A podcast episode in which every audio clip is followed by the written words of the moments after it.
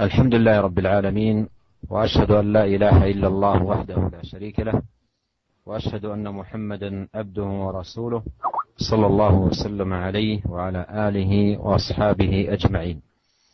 أما بعد أيها الإخوة المستمعون الحديث الذي نتناوله هذا اليوم بالتعليق والشرح حديث عظيم للغاية يحتاج إليه كل مسلم ولا سيما في هذا الزمان الذي كثر فيه تهاون الناس وتساهلهم في أمر الحلال والحرام.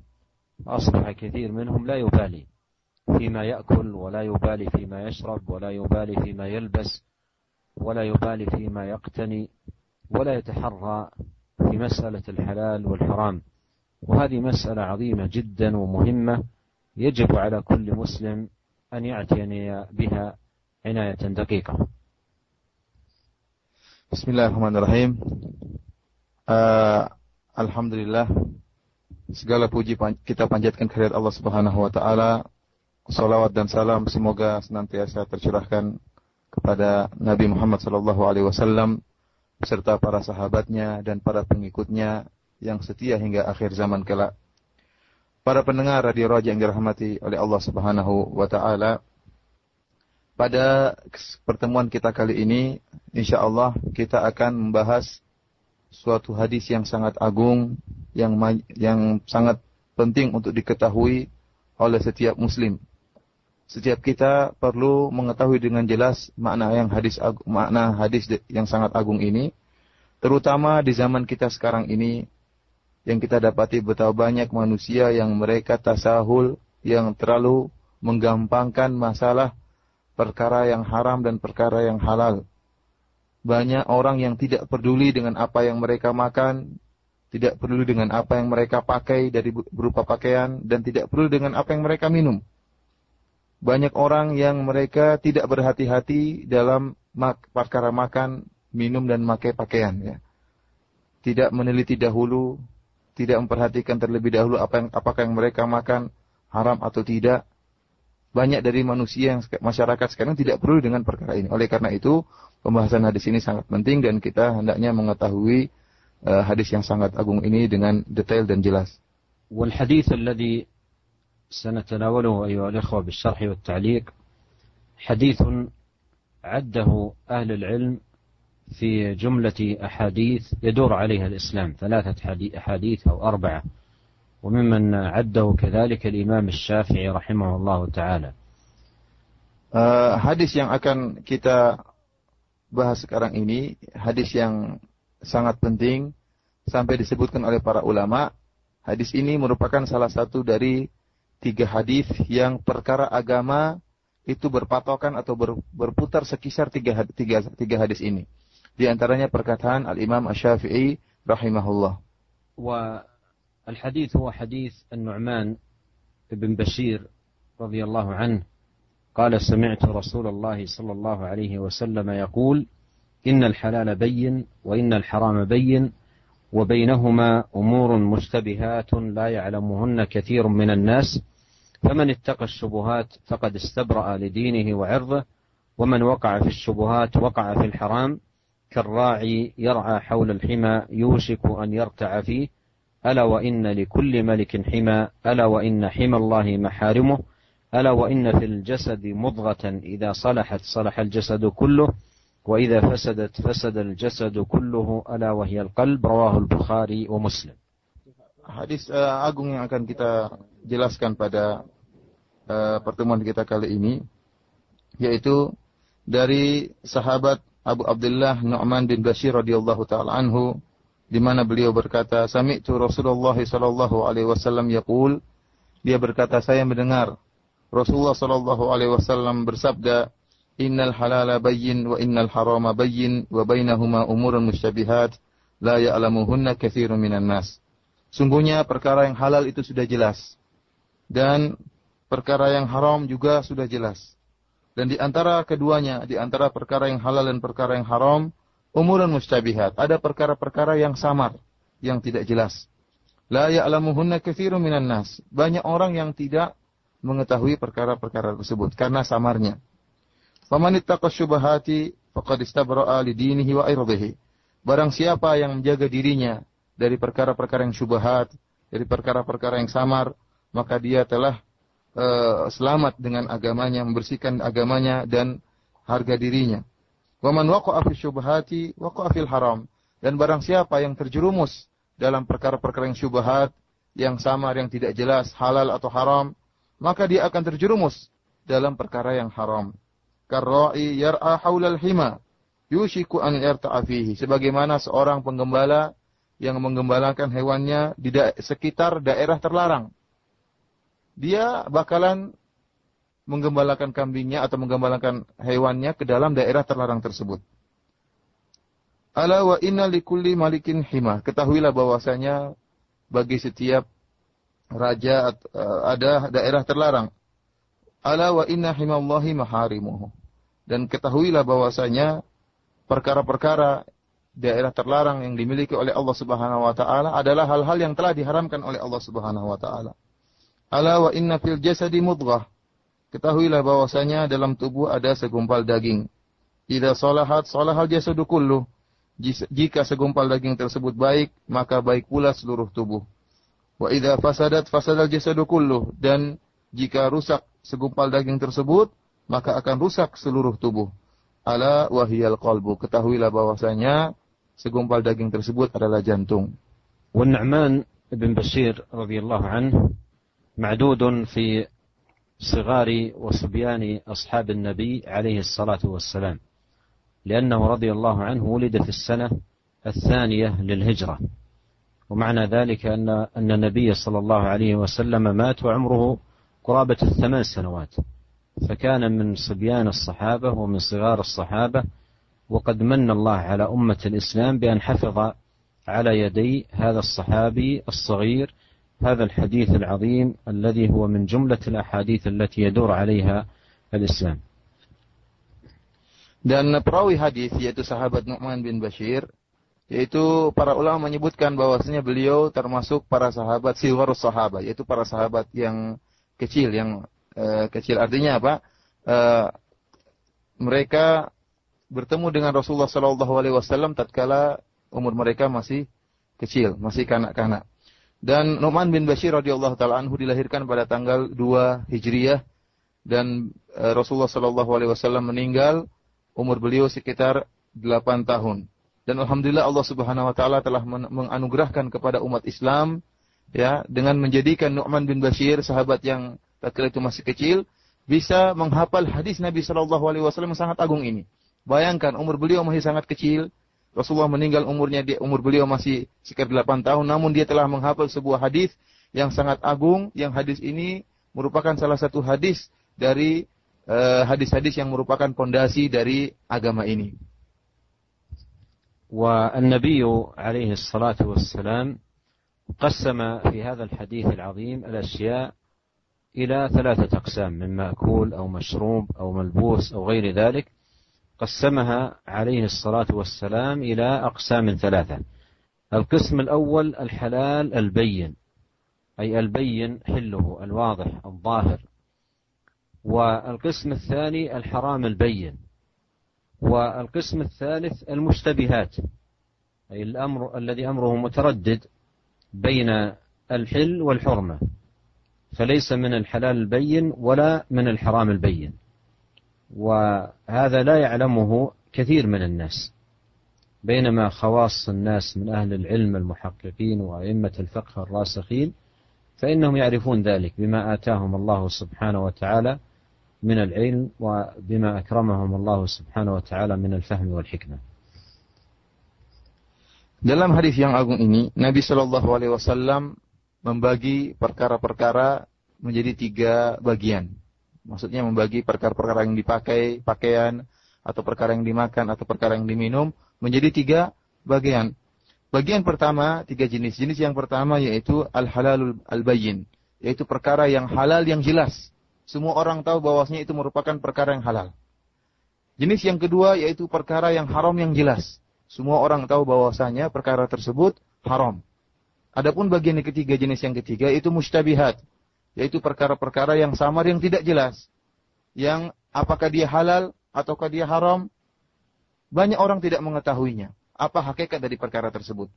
Adapun para fuqaha dan rasikhina fil ilm, yaitu orang-orang yang ahli fikih dan juga para ulama yang telah diberikan kekuatan ilmu oleh Allah Subhanahu wa taala, maka mereka mengetahui hakikat dari perkara-perkara yang syubhat ini.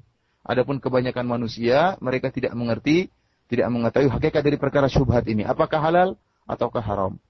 والحلال البين هو البين حله بأدلته الواضحة وبراهينه الجلية الظاهرة كالحبوب والثمار والفواكه والخضار وبهيمة الأنعام وغير ذلك من الأمور المعلومة والحرام البين هو البين حرمته كشرب الخمر وأكل الميتة ونكاح ذوات المحارم وغير ذلك من المحرمات البينة الظاهرة. والقسم الثالث المشتبه الذي لم يتبين للإنسان هل هو من الحلال البين أو من الحرام البين. والنبي عليه الصلاة والسلام رسم لنا الطريقة التي يجب أن نكون عليها تجاه كل قسم من هذه الأقسام الثلاثة.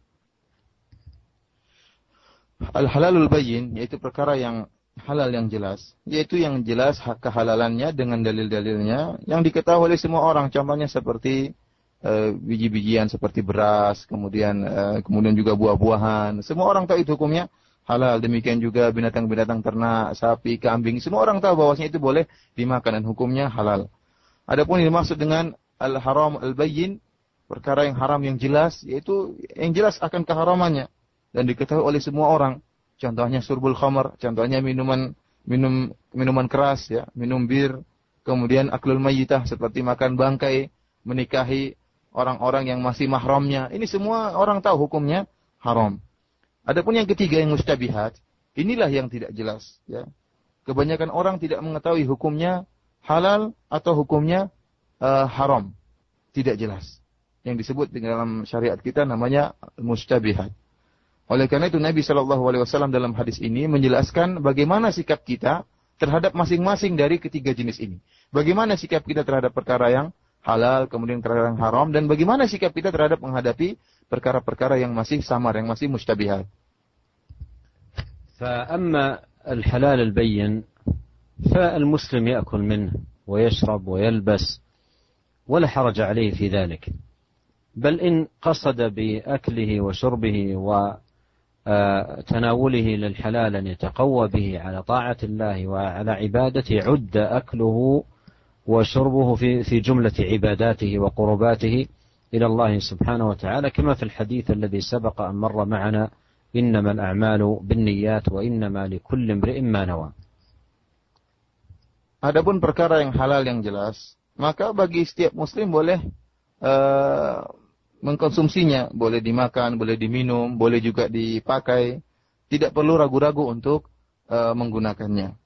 Bahkan jika seorang mukmin, seorang muslim makan makanan yang halal dengan niat untuk mendapatkan kekuatan untuk beribadah, ya, maka dia akan mendapatkan pahala dari Allah Subhanahu wa taala sebagaimana telah lalu penjelasannya tatkala kita menjelaskan hadis innamal a'malu binniyat, setiap amalan tergantung niatnya. Jika dia makan makanan yang halal dengan niat untuk agar kuat beribadah maka dia akan mendapatkan pahala dari Allah Subhanahu wa taala.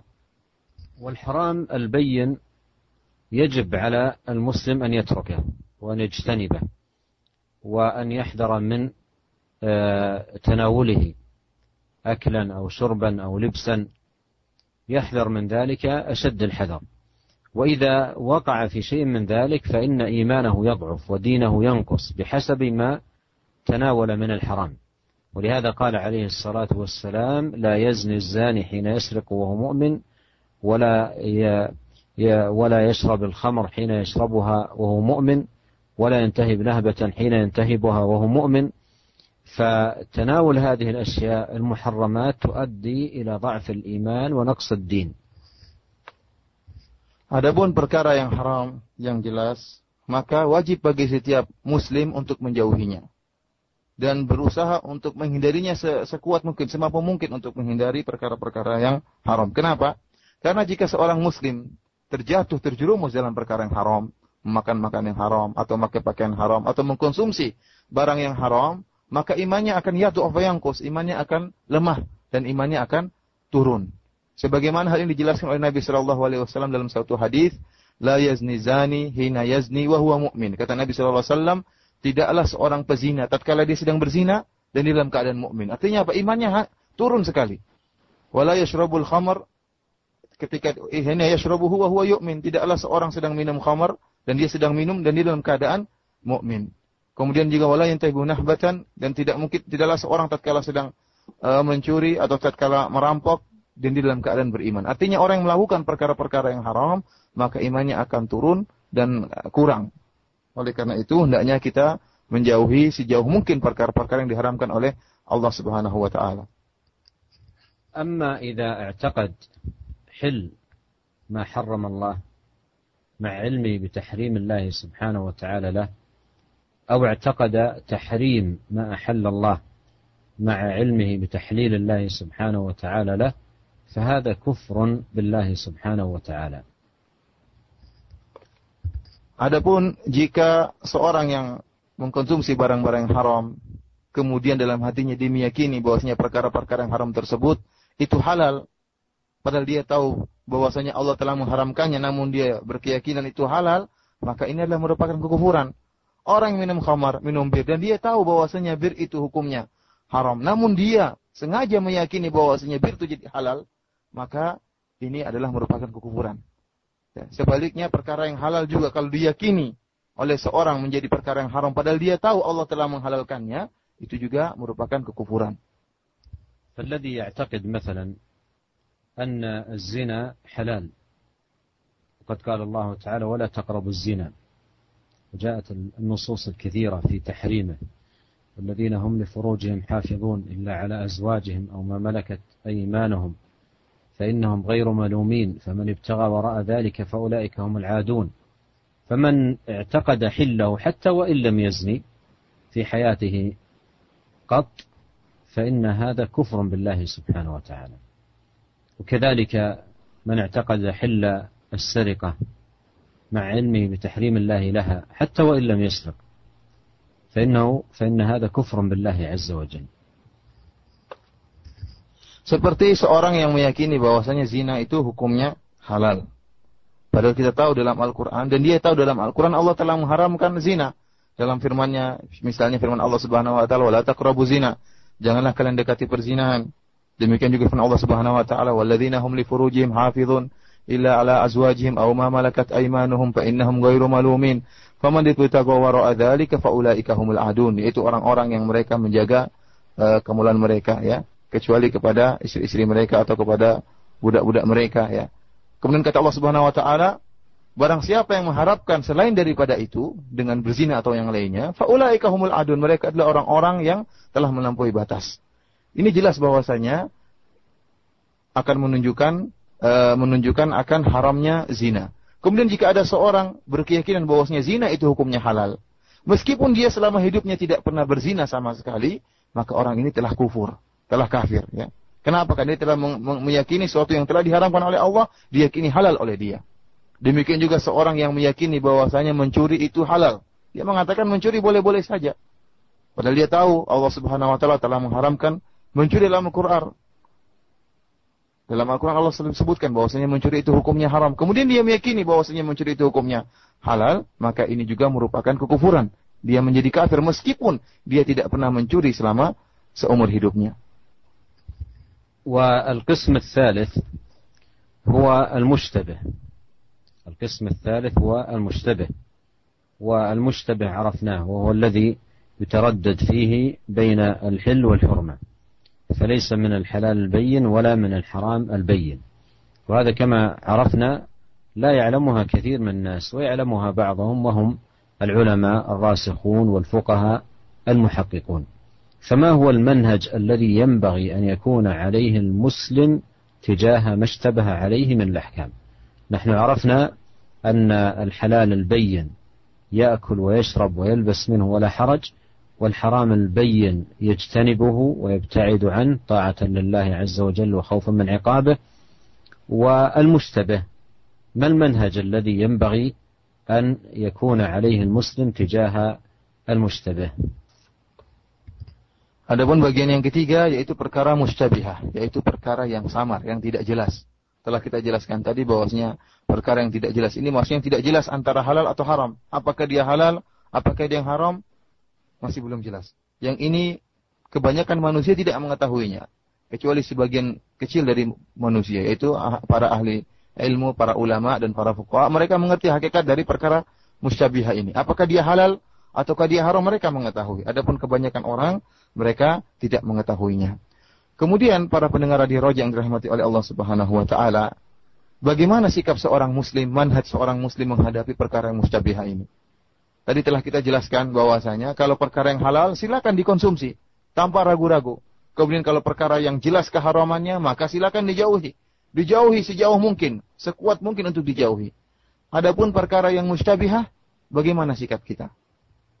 بين النبي صلى الله عليه وسلم المنهج الذي ينبغي أن نكون عليه تجاه المشتبه. فقال فمن اتقى الشبهات فقد استبرأ لدينه وعرضه ومن وقع في الشبهات وقع في الحرام. المسلم تجاه المشتبهات وذلك بأن يجتنبها أن يجتنبها. كل ما اشتبه عليك لا تدري هل هو من الحلال البين أو الحرام البين توقف ولا تتناوله لا شربا ولا أكلا ولا لبسا حتى يتبين لك. فإذا تبين لك حله فلا حرج. وأخبر عليه الصلاة والسلام أن من اتقى الشبهات فقد استبرأ لدينه وعرضه. استبرأ لدينه أي بينه وبين الله. واستبرأ لعرضه أي بينه وبين الناس.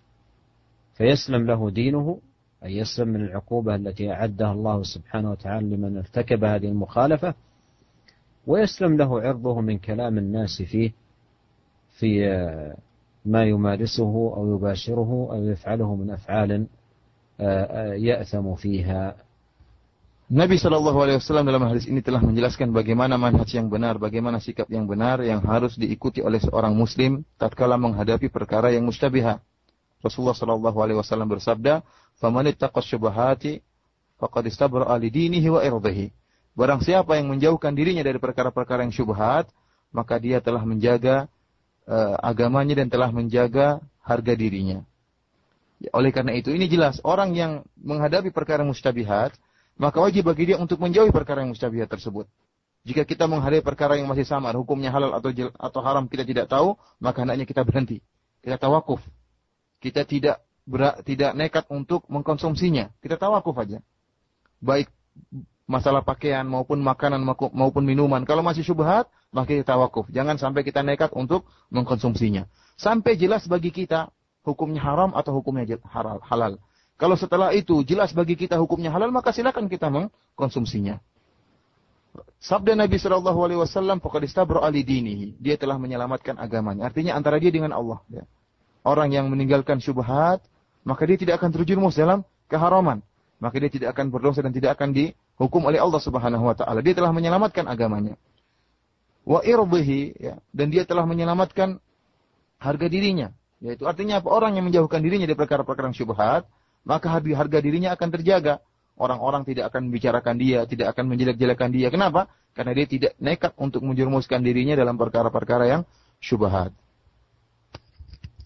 وقول النبي عليه الصلاة والسلام في هذا الحديث ومن وقع في الشبهات وقع في الحرام.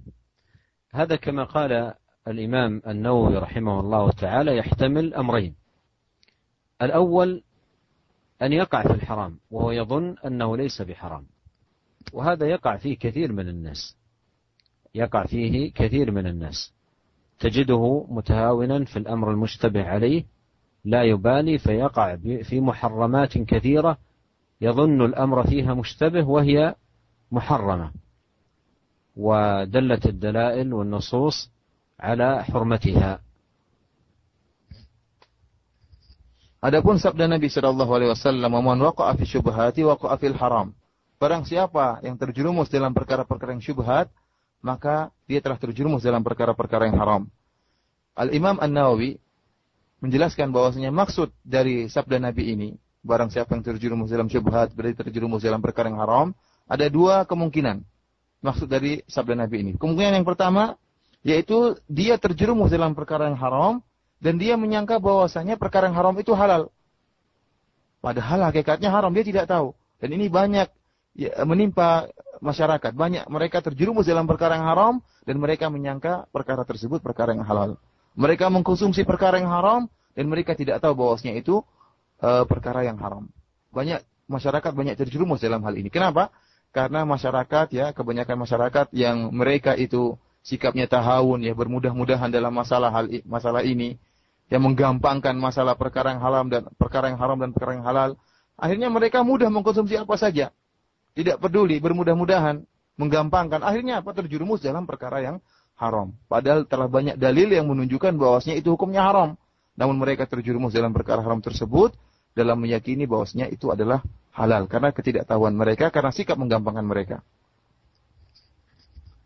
والمعنى الثاني كما قرر ذلك الإمام النووي رحمه الله أن يكون المراد بقوله فمن وقع في الشبهات وقع في الحرام أي أن من يقع في الشبهات يقارب أن يقع في الحرام بمعنى أن النفس إذا وقعت في المخالفة تدرجت من مفسدة إلى أخرى أكبر منها. تدرجت من من مفسدة إلى أكبر منها. ف ولهذا جاء في الحديث لعن الله السارق يسرق البيضة فتقطع يده ويسرق الحبل فتقطع يده. فقطع اليد ليس بالبيضة ولا بالحبل لكنه يتدرج. أولا يسرق حبلا أو يسرق بيضة ثم يتدرج في السرقة إلى أن أن يقع فيما يوجب قطع اليد.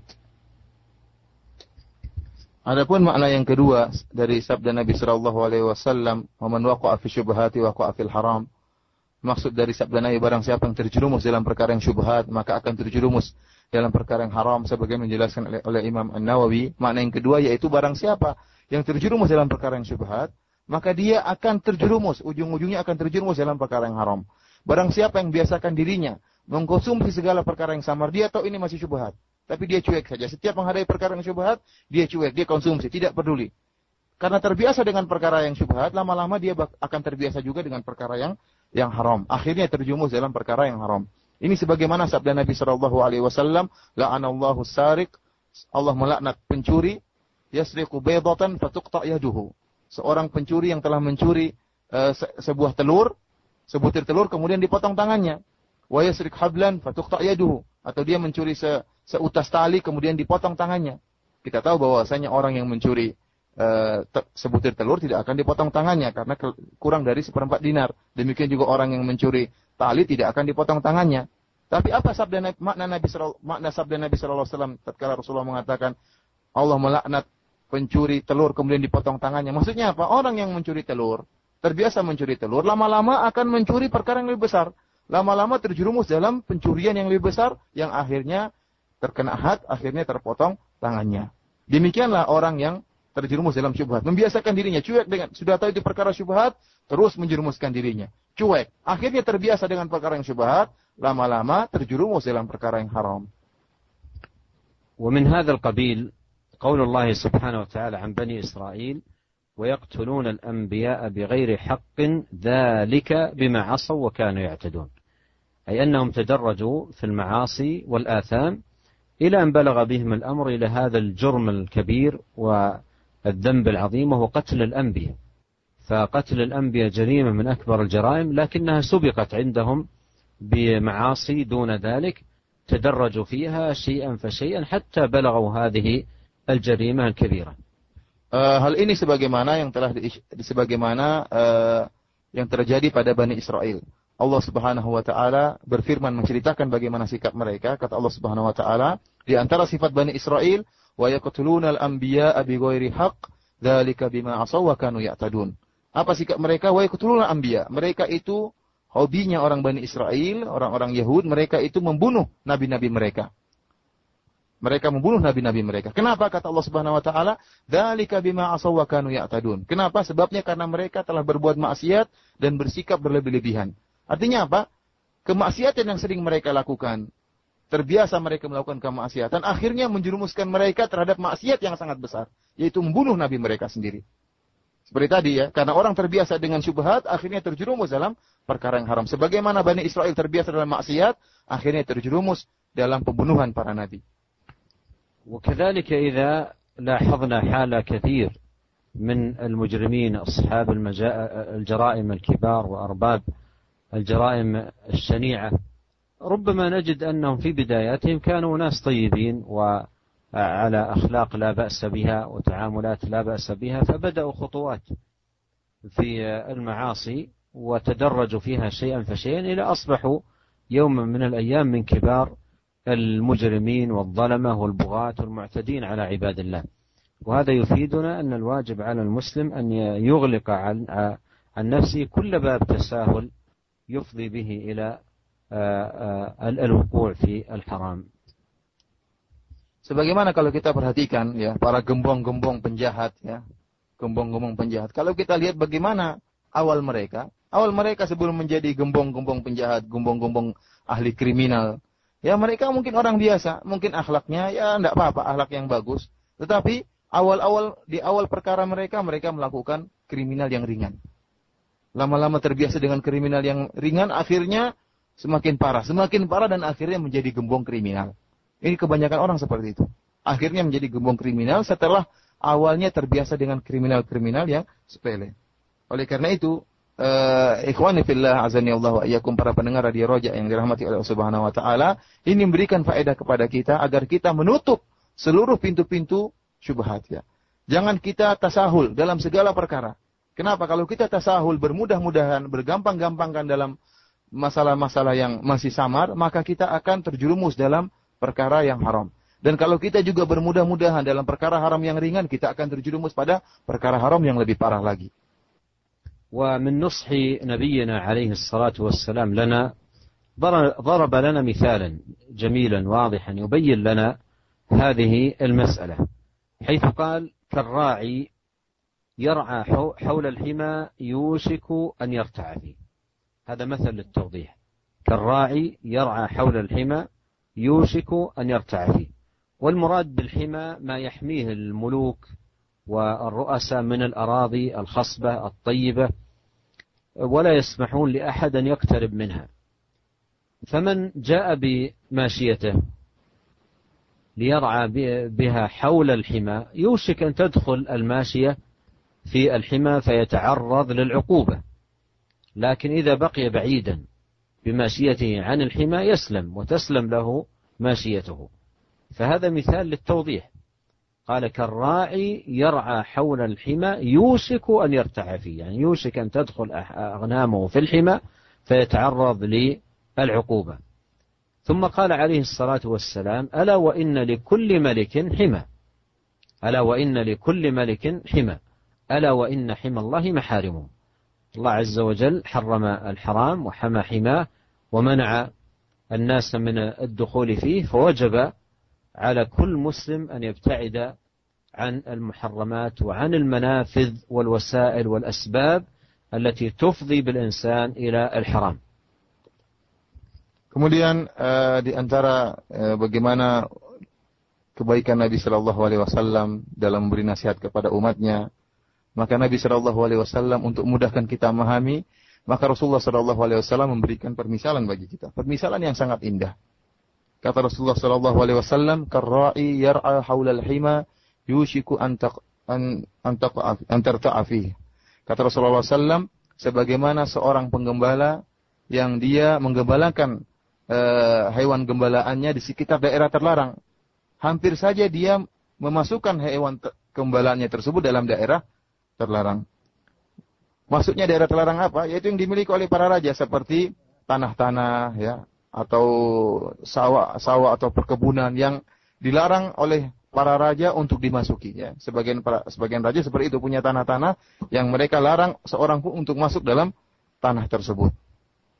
Demikianlah seorang penggembala kambing ya atau penggembala hewan gembalaan, penggembala misalnya dia bawa hewan gembalaannya dan dia apa namanya meletakkan hewan gembalaannya di sekitar daerah terlarang.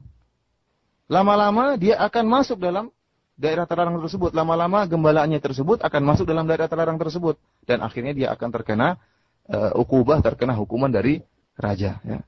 Kemudian kata Rasulullah Sallallahu Alaihi Wasallam, ala wa inna uh, ala likulli malikin hima. Ketahuilah bahwasanya setiap raja itu punya daerah terlarang, daerah yang dijaga.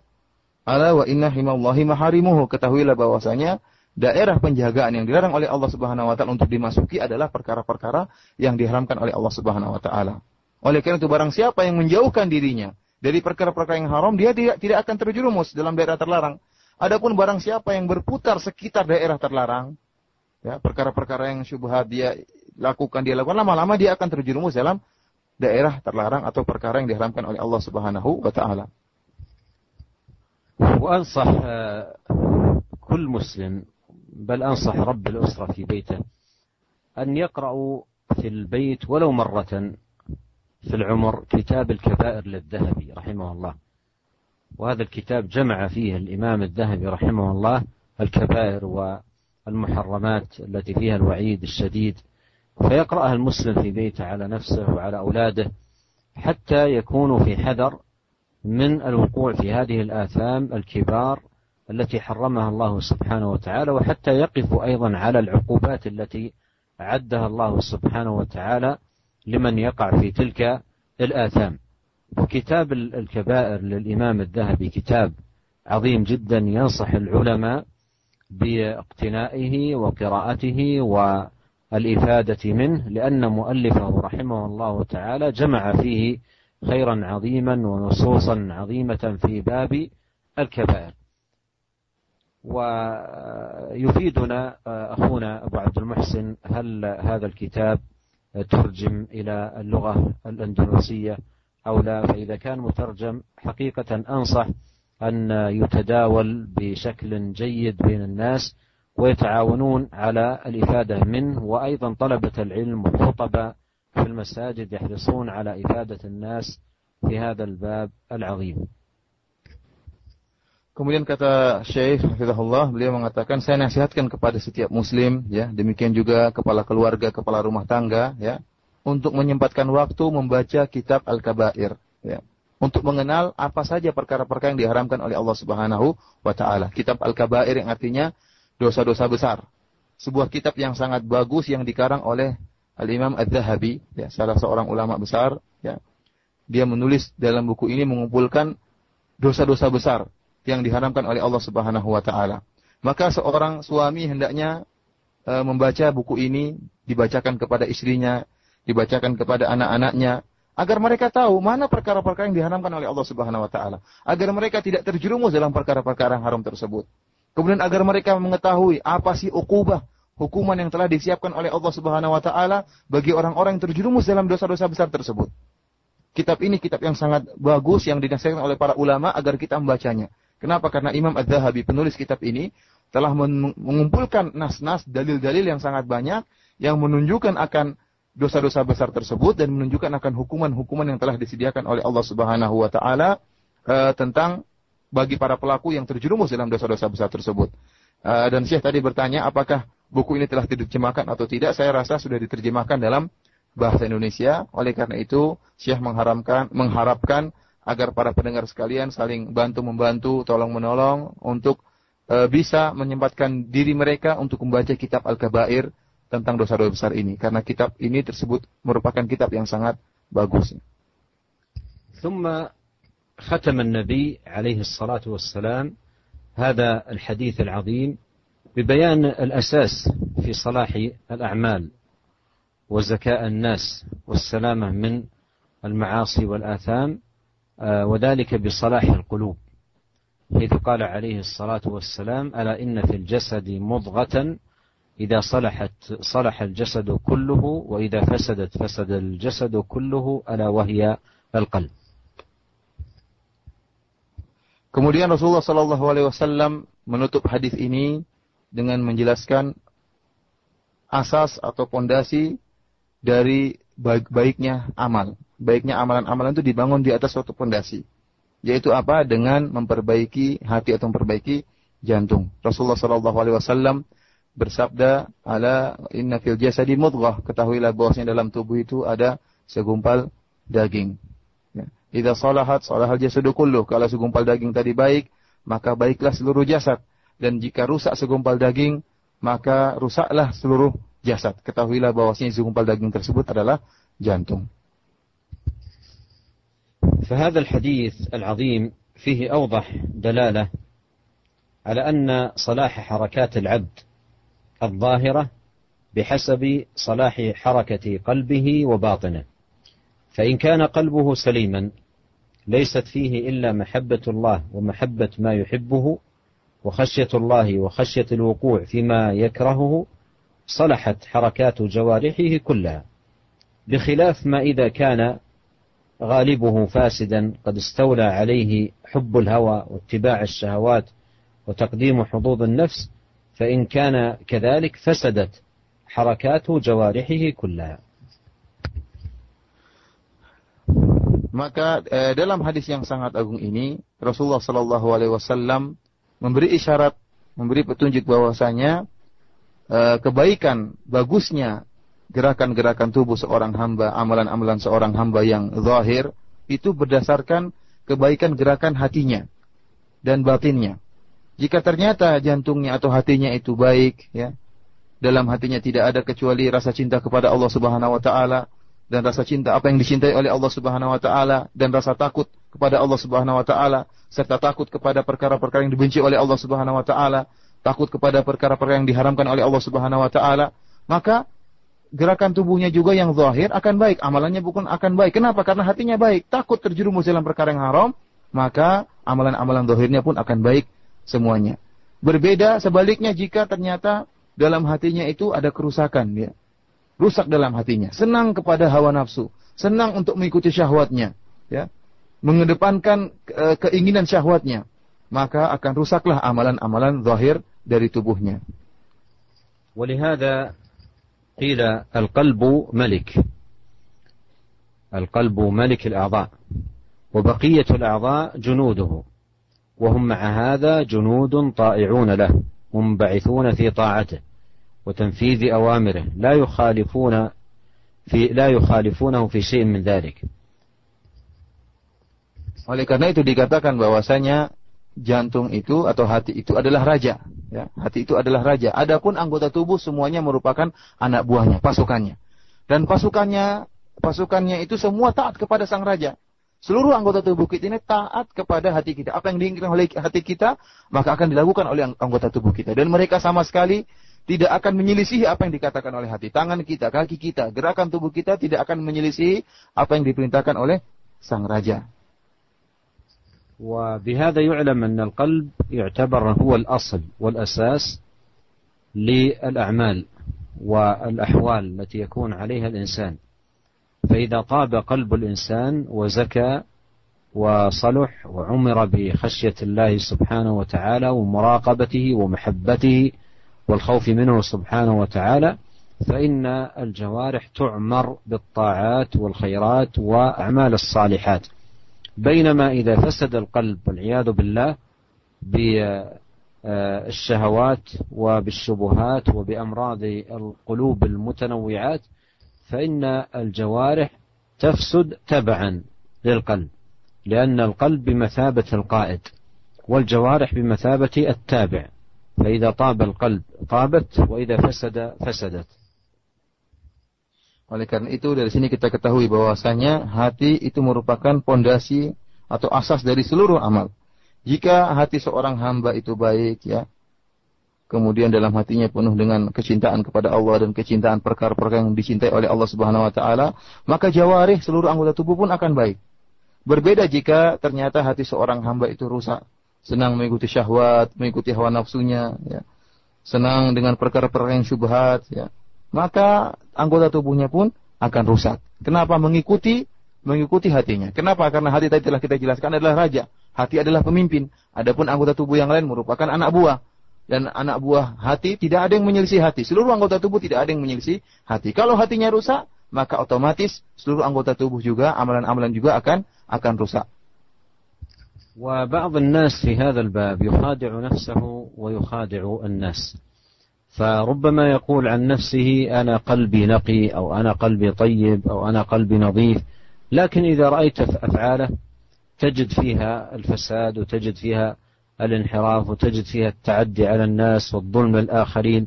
فإذا كان القلب فعلا آه، آه، نقيا ونظيفا ونزيها وطاهرا فإن أثر ذلك سيظهر على الجوارح ولا بد لأن الجوارح تبع للقلب وفرع عنه Sebagian orang mereka ya membohongi diri mereka sendiri dan juga membohongi orang-orang banyak, membohongi orang lain. Sebagian orang mengatakan ya, hati saya bersih, hati saya suci ya. Sementara dia terjerumus dalam kemaksiatan. Sementara dia terjerumus dalam kemaksiatan. Demikian juga terjerumus dalam perbuatan zalim kepada orang lain, mengganggu orang lain. Sementara dia terjerumus dalam kemaksiatan, tenggelam dalam kemaksiatan, dia mengatakan hati saya baik, hati saya bersih. Ya. Ini merupakan kedustaan. Ya. ya kenapa? Karena kalau hati seorang bersih, ya, mesti mesti otomatis anggota tubuhnya juga akan menimbulkan amalan-amalan yang suci, amalan-amalan yang yang baik. Ya. Namun kalau hatinya rusak, maka amalan-amalan juga akan rusak. Jika ternyata dia terjerumus dalam kemak kemaksiatan, ya, atau mendolimi orang lain, ya, tentunya menunjukkan hatinya tidak beres, tidak suci sebagaimana dia yang dia aku-akui. Ya. ونختم حديثنا بالإشارة إلى بعض الدعوات المأثورة عن نبينا عليه الصلاة والسلام والتي تتعلق بإصلاح القلوب وتنقيتها وتطهيرها فمن ذلكم ما جاء في الصحيحين أن النبي عليه الصلاة والسلام كان يقول في دعائه اللهم اجعل في قلبي نورا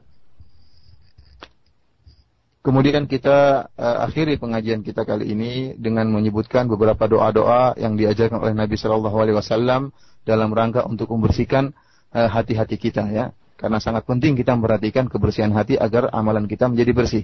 Di antaranya hadis yang diriwayatkan oleh Al-Imam Al-Bukhari dan Muslim di mana Nabi Shallallahu alaihi wasallam pernah berdoa, Allahumma ja'al qalbi nuran. Ya Allah jadikanlah hatiku uh, bersinar, bercahaya. وفي صحيح مسلم أنه عليه الصلاة والسلام كان يقول في دعائه اللهم إني أعوذ بك من قلب لا يخشع dan dalam Sahih Muslim Nabi Shallallahu Alaihi Wasallam pernah berdoa Allahumma inni a'udzubika min qalbin la yakhsha. Yang artinya ya Allah, aku berlindung kepada Engkau dari hati yang tidak khusyuk. Ya. وفي الصحيحين أنه عليه الصلاة والسلام كان يقول في دعائه اللهم نق قلبي من الخطايا كما ينقى الثوب الأبيض من الدنس Dalam sahihain juga diriwayatkan oleh Imam Bukhari dan Muslim, Nabi sallallahu alaihi wasallam pernah berdoa, Allahumma naqqi qalbi minad minal khotoya, ya Allah bersihkanlah hatiku dari dosa-dosa kama yunaqqa kama yunaqqa thawbul abyadu minad dana sebagaimana uh, pakaian yang putih dibersihkan dari kotoran. وفي صحيح مسلم أنه عليه الصلاة والسلام كان يقول في دعائه اللهم آت نفسي تقواها زكها أنت خير من زكاها أنت وليها ومولاها uh, dalam hadis yang lain yang diriwayatkan oleh Imam Muslim, Nabi Shallallahu Alaihi Wasallam pernah berdoa, Allahumma ati nafsi zakkaha. Ya Allah, berikanlah kepada jiwaku ya kesuciannya. Artinya ya Allah, sucikanlah uh, jiwaku. Wa zakkiha anta khairu man zakkaha. Dan sucikanlah jiwaku ya Allah karena engkau adalah sebaik-baik zat yang mensucikan hati. Anta waliyuha wa maulaha. Engkau adalah wali hati dan uh, maulaha. وجاء في الترمذي بإسناد صحيح أن النبي صلى الله عليه وسلم كان يقول في دعائه يا مقلب القلوب ثبت قلبي على دينك Dalam uh, hadis riwayat Tirmidzi, Rasulullah Shallallahu alaihi wasallam pernah berdoa dengan satu doa yang sangat indah kata Nabi Shallallahu alaihi wasallam, "Ya muqallibal qulub, tsabbit qalbi ala dinik." Wahai zat yang bolak-balikkan hati, tetapkanlah hatiku di atas agamamu. والدعوات المأثورة عنه عليه الصلاة والسلام في هذا المعنى متعددة. فينبغي على المسلم أن يعنى بدعاء الله تبارك وتعالى وسؤاله والإلحاح عليه بأن يصلح قلبه وأن ينقيه من الذنوب والخطايا كما ينقى الثوب الأبيض من الدنس وأن يحرص على صلاح جوارحه بإقامتها على طاعة الله ومحافظتها على أوامره سبحانه وتعالى وبعدها عن كل أمر يسخط الله عز وجل ويغضبه Dan doa-doa yang berkaitan dengan masalah ini, masalah perbaikan hati, sangatlah banyak dan bermacam-macam. Oleh karena itu, hendaknya seorang muslim benar-benar memperhatikan doa. Ya, berdoa tentang bagaimana bisa membersihkan hatinya. Dia bersungguh-sungguh berdoa, minta kepada Allah, berharap, merengek-rengek, minta kepada Allah subhanahu wa ta'ala untuk membersihkan hatinya. Kemudian dia juga berusaha untuk membersihkan amalan tubuhnya dari perkara-perkara yang diharamkan oleh Allah subhanahu wa ta'ala. Membersihkan amalan tubuhnya dari perkara-perkara yang diharamkan oleh Subhanahu wa taala, menjauhi tubuhnya dari hal-hal yang diharamkan oleh Allah Subhanahu wa taala. Dan berusaha untuk mengamalkan amalan-amalan soleh ya, membuat amalan-amalan tubuh kita istiqomah berjalan di atas jalan yang telah dijelaskan oleh Rasulullah sallallahu alaihi wasallam di atas amalan-amalan soleh. ومما نستفيده من هذا الحديث العظيم معاشر الإخوة الكرام أن المسلم ينبغي عليه أن يتفقه في دين الله بمعرفة الحلال ومعرفة الحرام لا أن يمضي في حياته يتعاطى الأمور ويفعل أشياء بدون سؤال وبدون بحث وبدون تفقه في دين الله. ولهذا قال السلف قديما من فقه الرجل مأكله ومشربه وممشاه أي أنه يتفقه فيما يأكل ويتفقه فيما يشرب وفي أموره الأخرى لا يخطو خطوة إلا متفقها متبصرا في دينه ماشيا في أعماله على بصيرة من الله Di antara faedah yang bisa kita ambil dari hadis ini yaitu hendaknya seorang muslim benar-benar berusaha untuk bertafakuh fiddin, belajar ilmu agama, belajar agama. Jangan dia cuek saja, tidak perlu dengan apa yang dia makan, tidak perlu dengan apa yang dia minum, tidak bertanya kepada para ulama, tidak bertanya kepada ahli ilmu apa hukumnya makanan ini, apa hukumnya minuman ini. Dia cuek saja makan dan minum tidak peduli. Tapi sebaliknya seorang muslim harus berusaha untuk belajar tentang agamanya. Belajar bagaimana hukumnya. Oleh karena itu, uh, di antara perkataan salafus saleh mereka mengatakan min fiqhir rajul masyrabuhu wa ma'kaluhu wa mansyah. Yaitu di antara fikih seorang lelaki atau fikih seorang yaitu bagaimana makanannya dan minumannya dan ke mana uh, ke mana dia berjalan ya. Seorang yang benar fikihnya, dia akan perhatikan bagaimana makanannya. Kalau dia memang paham tentang agama, dia akan perhatikan bagaimana minumannya. Kalau dia paham tentang ag agamanya, maka dia akan berhati-hati dalam melangkahkan kakinya. Ke mana dia hendak beranjak, ke mana dia hendak pergi Maka dia memperhatikan semua perkara tersebut. Kita bisa mengetahui fikih seorang dari sikap-sikapnya tadi. Kalau ternyata makanan ini tidak beres, minumannya tidak beres, kemana saja dia melangkahkan kaki, menunjukkan dia tidak beres dalam fikih agama. ولننظر هذا المنهج الرصين في كلمة عظيمة قالها حسن البصري رحمه الله وهو من علماء التابعين الأجلاء ومن فقهاء المسلمين الكبار قال رحمه الله ما نظرت ببصري ولا نطقت بلساني ولا بطشت بيدي ولا نهضت على قدمي حتى أنظر على طاعة أو على معصية فإن كانت طاعة فإن كانت طاعة تقدمت وإن كانت معصية تأخرت dan hendaknya kita melihat bagaimana manhaj yang telah dijelaskan oleh Nabi Shallallahu Alaihi Wasallam ini telah diterapkan oleh salafus saleh sebagaimana dikatakan oleh Al Hasan Al Basri salah seorang tabiin ya ulama tabiin yang sangat terkenal menerapkan manhaj Nabi ini. Dia mengatakan apa? Ma nazartu bi basari tidaklah aku melihat dengan pandanganku. Wala nataqtu bi lisani dan tidaklah aku berkata dengan lisanku. Wala batastu bi yadi dan tidaklah aku mukul dengan tanganku. Wala nahatu ala qadami dan aku tidak melangkahkan kakiku. Hatta anzura ala ta'atin aw ala maksiyah sampai aku lihat apakah aku melakukan tersebut karena ketaatan kepada Allah atau karena kemaksiatan. Saya melihat karena Allah, karena taat, saya berbicara pada perkara yang merupakan ketaatan, saya memukul pada perkara yang merupakan ketaatan atau sebaliknya atau karena kemaksiatan. Fa'inkana ta'atun taqadamt. Jika ternyata saya melakukan perkara tersebut dalam ketaatan kepada Allah maka saya lakukan. Wa in kanat ta'akhart. Jika dan ternyata jika perkara tersebut merupakan maksiat maka saya akan tinggalkan. Wa as'alullah al-'azim an yusliha qulubana ajma'in wa nu'idana min min asy-syaitanir rajim. وأن يهدينا صراطه المستقيم وأن يغفر لنا ولوالدينا وللمسلمين والمسلمات والمؤمنين والمؤمنات الأحياء منهم والأموات. والله تعالى أعلم وصلى الله وسلم على عبده ورسوله نبينا محمد وآله وصحبه أجمعين. Demikian saja pengajian kita hari ini yang kita mohon kepada Allah Subhanahu wa taala.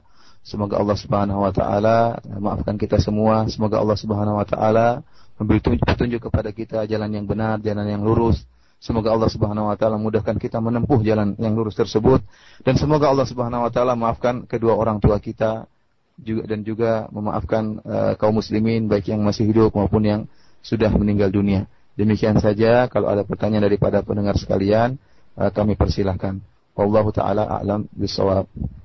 Nah, demikian Hotel Islam, para pendengar Radio Roja di mana pun Anda berada. Kita akan simak untuk selanjutnya sesi tanya jawab seperti biasa bagi Anda yang akan bertanya di layanan on air kami 0218236543 dan di pesan singkat 0217073543.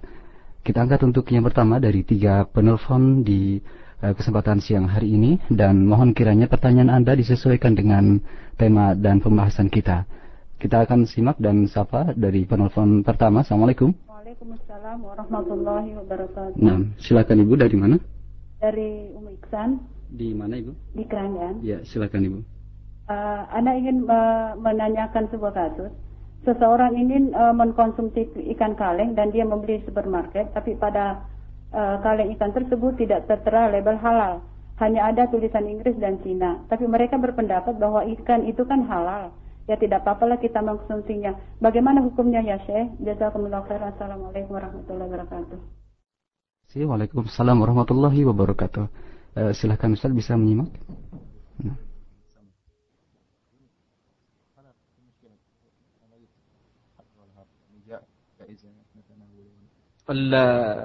الأسماك تختلف عن بقية اللحوم. فاللحوم يعني يشترط فيها أن تذكى زكاة إسلامية ويذكر اسم الله عليها. أما السمك لا تشترط فيه الزكاة فإذا كان السمك الذي اشتراه وهو في علبة صالح وغير متعفن وليس تالف فيأكله لأنه لا يشترط فيه ما يشترط في اللحوم الأخرى لحوم بهيمة الأنعام Uh, Syekh menjelaskan bahwasanya daging ikan itu tidak sama dengan daging hewan-hewan yang lainnya, tidak seperti kambing, sapi, kebo dan yang lainnya ya. Adapun hewan-hewan ternak, binatang ternak seperti sapi, kambing dan yang lainnya itu disyaratkan untuk disembelih. Disembelih dengan cara yang islami ya dan disebutkan nama Allah Subhanahu wa taala. Adapun kalau disembelih dengan cara yang tidak islami atau tidak disebutkan nama Allah Subhanahu wa taala maka tidak boleh dimakan. Ini hewan-hewan ternak seperti sapi, kambing, ayam dan yang lainnya harus disembelih dengan sembelih yang islami dan harus disebutkan nama Allah Subhanahu wa taala. Adapun ikan maka tidak disyaratkan hal ini ya. Ikan itu tidak mengapa meskipun tidak disembelih dan memang tidak disembelih. Jadi langsung dimakan tidak mengapa. Jadi seorang yang membeli ikan di dalam ikan kaleng ya, yang penting dia perhatikan apakah masih masih belum uh, expired ya, masih belum busuk ya. Kalau selama masih bagus ya, tidak perlu ada tulisan label halal, tidak mengapa langsung dimakan. قد جاء في الحديث عن النبي صلى الله عليه وسلم أنه قال عن البحر الطهور ماؤه الحل ميتته dalam hadis Nabi Shallallahu Alaihi Wasallam pernah bersabda tentang air laut kata Rasulullah Sallallahu Alaihi Wasallam at-tahuru ma'uhu al-hillu maitatuhu air laut itu suci dan mensucikan dan al-hillu maitatuhu dan bangkainya yaitu ikan-ikan halal ya bangkainya saja halal ya. Ikan-ikan semuanya halal. Baik. Untuk selanjutnya kami angkat berikut dari Bapak Hadianto di Karawaci. Nah, Assalamualaikum Bapak. Silakan. Uh, Anda mau tanya ini, Ustaz. Apa uh, batasan darurat itu gimana, Ustaz? Jadi uh, antara apa kan kalau darurat itu bisa apa uh, melakukan apa mengambil mengambil hal yang yang, yang haram bisa bisa jadi apa halal. boleh gitu ya halal gitu ya. Mm-hmm. Terus ini ada, ada kasus ini Ustaz, apa uh, seorang itu punya hutang. Dia dikejar sama orang yang apa yang berhutang itu, yang punya apa yang dihutangin itu. Nah, terus dia karena terpaksa sehingga dia uh, pinjam ke bank itu. Itu gimana? Iya. Apa termasuk darurat lo gimana? Baik. Terima kasih. Nah, Waalaikumsalam warahmatullahi wabarakatuh. Silakan.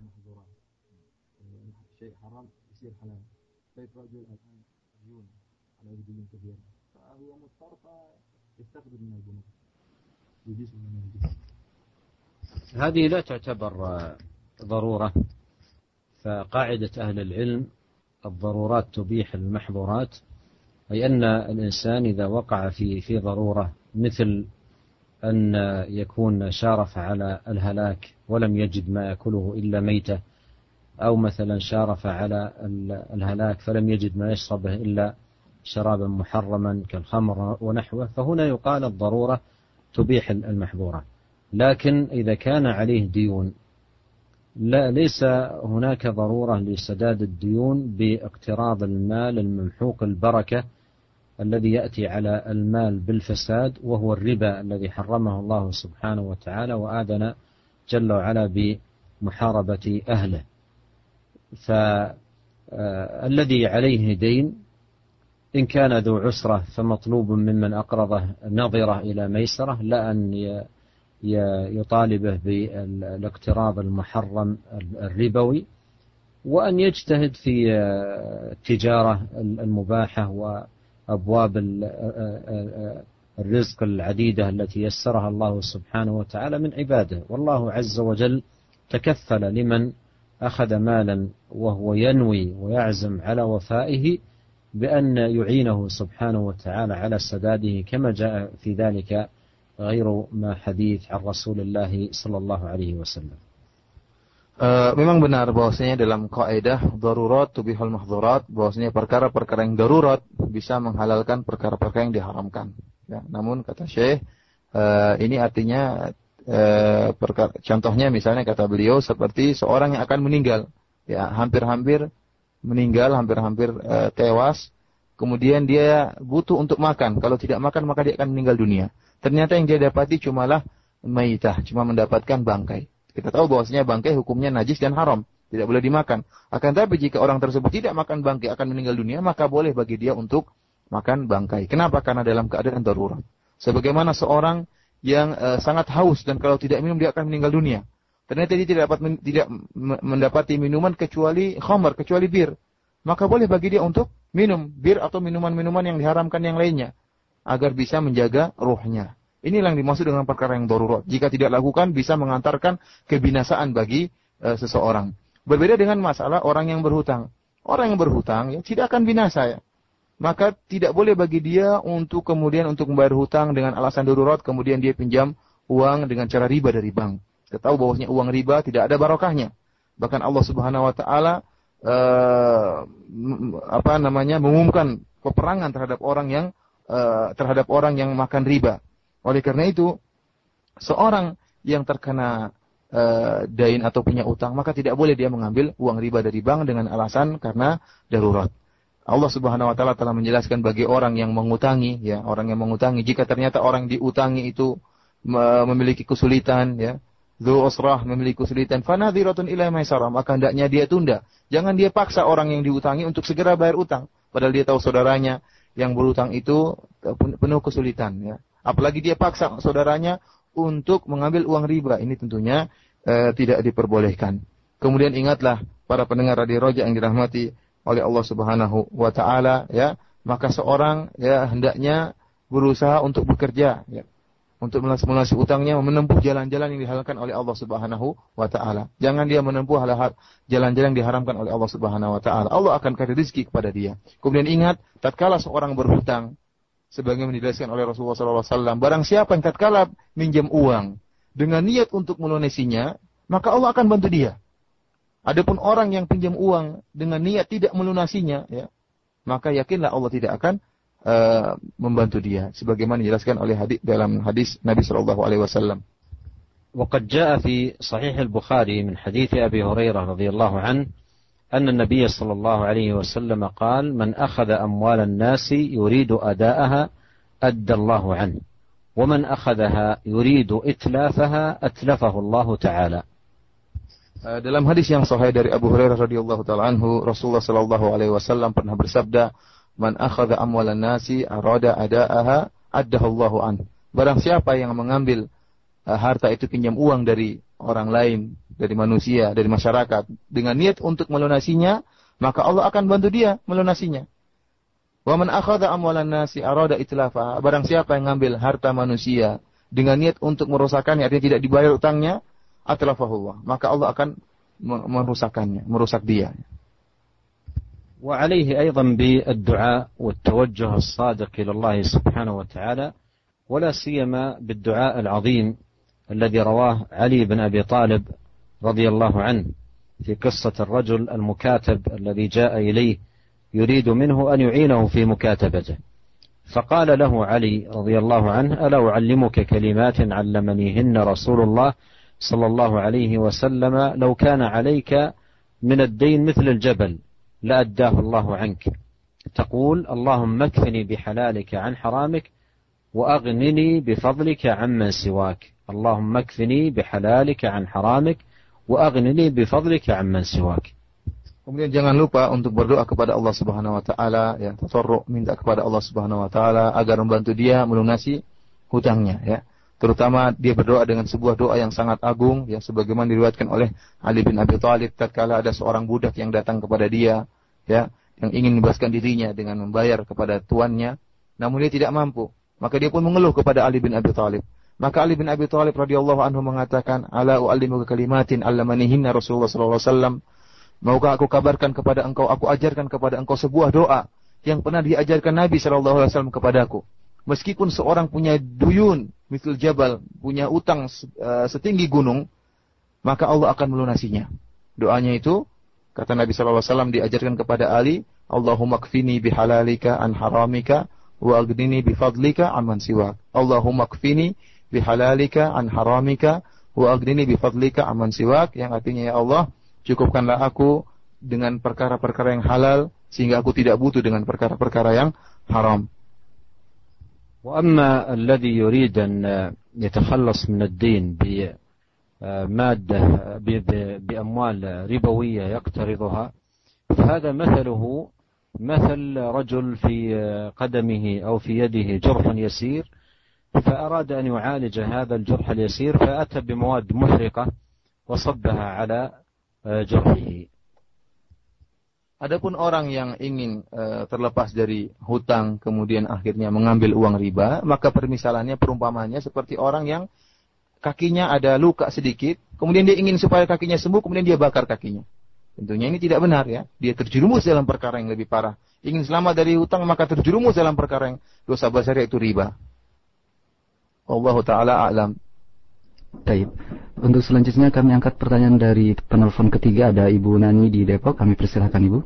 Assalamualaikum Ustaz. Saya mau menanyakan ini bagaimana manhaj seorang muslim dalam masalah subhat-subhat pemikiran. Subhat pemikiran itu aja. Assalamualaikum warahmatullahi wabarakatuh. Waalaikumsalam warahmatullahi wabarakatuh. هذا السؤال التي الذي سالت عنه هذه الأخت السائلة وفقها الله وبارك فيها سؤال مهم جدا لأن آه، الشبهات التي هي الأفكار التي تهجم على الإنسان وعلى قلبه أو أو يكون متسببا بسماعه لبعض الجهات أو القنوات أو الأماكن التي تثير الشبهات أو قراءته لبعض المجلات أو الصحف التي تثير الشبهات فتسأل عن الموقف الذي ينبغي أن يكون عليه المسلم تجاه هذه الشبهات. ويتلخص موقف المسلم الصحيح تجاه, تجاه هذه الشبهات في نقاط. النقطة الأولى إغلاق المنافذ بإحكام والاجتهاد في منع كل سبيل يثير الشبهة الفاسدة في قلبه ويجعلها تجول في نفسه. فيغلق المنافذ من قنوات فاسدة وأيضا مجلات هابطة وجلساء فاسدين. يغلق هذه المنافذ. أما أن يبقى تبقى هذه المنافذ مفتوحة ويريد في الوقت نفسه أن يسلم له قلبه فهذا أمر لا يتحقق. Uh, beliau mengatakan bahwasanya uh, ini adalah pertanyaan yang sangat bagus dari ibu penanya ini ya. Di mana ibu mungkin mendapati syubhat-syubhat pemikiran yang mungkin ibu dapati dalam konawat yaitu dalam acara-acara TV ya. Terkadang seorang uh, menyampaikan syubhat. Kita tahu bahwasanya sekarang uh, semua orang hobi untuk bicara masalah agama. Terkadang seorang yang bukan ahlinya bicara tentang masalah agama. Kemudian dia menyebarkan syubhat. Atau mungkin didapati syubhat tersebut di majalah-majalah ya.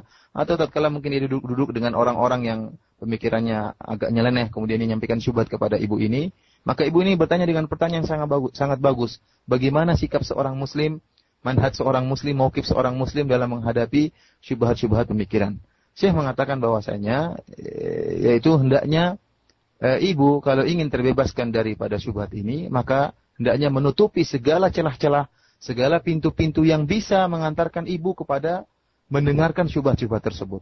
Contohnya kalau ibu tahu ada e, majalah atau ada acara TV yang sukanya menyebarkan syubhat, maka jangan diputar. Kalau ibu tahu ada teman-teman ibu yang suka nyebarin syubhat, maka jangan digauli orang-orang tersebut yang sukanya nyebarin syubhat. Karena uh, seorang yang uh, pingin terbebas dari syubhat, tapi membiarkan dirinya tetap mendengarkan syubhat, maka sulit bagi dia untuk terbebaskan daripada syubhat-syubhat pemikiran. Maka langkah pertama yang harus dilakukan yaitu menutup segala celah-celah yang bisa mengantarkan kita untuk akhirnya mendengar terhadap syubhat-syubhat tersebut.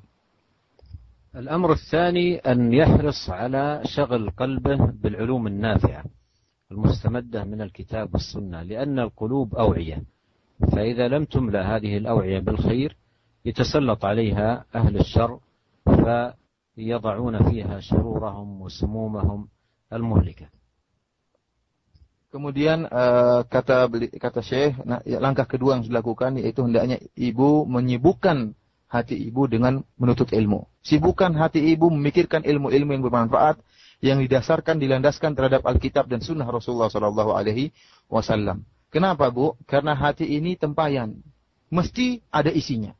Kalau tempayan tersebut tidak diisi dengan ilmu yang bermanfaat, tidak diisi dengan zikir kepada Allah Subhanahu Wa Taala, maka tempayan tersebut akan dipenuhi syubhat. Ya. Karena kosong. Tatkala kosong maka akan diisi dengan syubhat-syubhat ya, dengan eh, pemikiran-pemikiran yang sesat, akhirnya hati kita pun teracuni. الأمر الثالث ألا يسترسل مع الشبهات وألا يفعلها في نفسه وألا يوسع مساحتها في صدره فإذا جاءت يحاول أن يطردها من قلبه وأن يبعدها من نفسه وأن يستعيذ بالله تبارك وتعالى من الشيطان yang ketiga, kalau sudah ternyata terlanjur termasuk syubhat, ya, syubhat sudah masuk, kata Syekh, ya, maka jangan biarkan kita memikirkan syubhat tersebut. Jangan dipikirkan. Cuekin aja. Ya. Kita cuekin. Jangan biarkan hati kita terus merenung. Gimana syubhat ini, gimana syubhat. Kita cuekin. Kita cuekin. Jangan biarkan setan akhirnya membuat kita terjerumus. Ya, terus memikirkan syubhat tersebut. Tapi hendaknya kita pun berlindung kepada Allah Subhanahu Wa Taala, bertaawud kepada Allah Subhanahu Wa Taala dari kejahatan syubhat tadi. Jadi jangan biarkan diri, diri kita terus mikirin syubhat tadi. Kita cuekin dan kita sibukkan dengan ilmu yang bermanfaat. الأمر الرابع أن يعنى بالدعاء بأن يصلح الله قلبه وقد مر معنا من الأدعية النبوية المأثورة في هذا الباب ما يكفي ويغني dan perkara yang keempat yaitu hendaknya ibu berdoa kepada Allah Subhanahu wa taala dengan doa-doa yang telah diajarkan oleh Nabi Shallallahu alaihi wasallam agar menjaga hati kita, membersihkan hati kita dari syubhat agar tidak dimasuki oleh pemikiran-pemikiran yang rusak ya. Tadi telah kita sebutkan beberapa doa-doa yang bermanfaat yang insya Allah sudah cukup untuk kita berdoa kepada Allah dengan doa-doa tersebut. Wallahu taala alam. Baik. Nah, selanjutnya kita angkat pertanyaan dari pesan singkat yang sudah begitu banyak masuk. Mohon maaf dan mohon bersabar untuk Anda yang masuk melalui line telepon.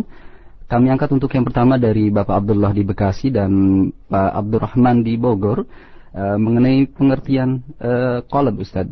Uh, apakah pengertian kolab secara istilah karena di dalam bahasa Indonesia masih tersamarkan antara jantung dan hati Kemudian kaitannya antara jantung dengan otak. Eh, kenapa eh, ukuran kebaikan dan keburukan hanya dinisbatkan kepada jantung atau kolab saja? Lalu apakah peranan akal atau otak tersebut eh, terhadap kebaikan dan keburukan seseorang? Demikian.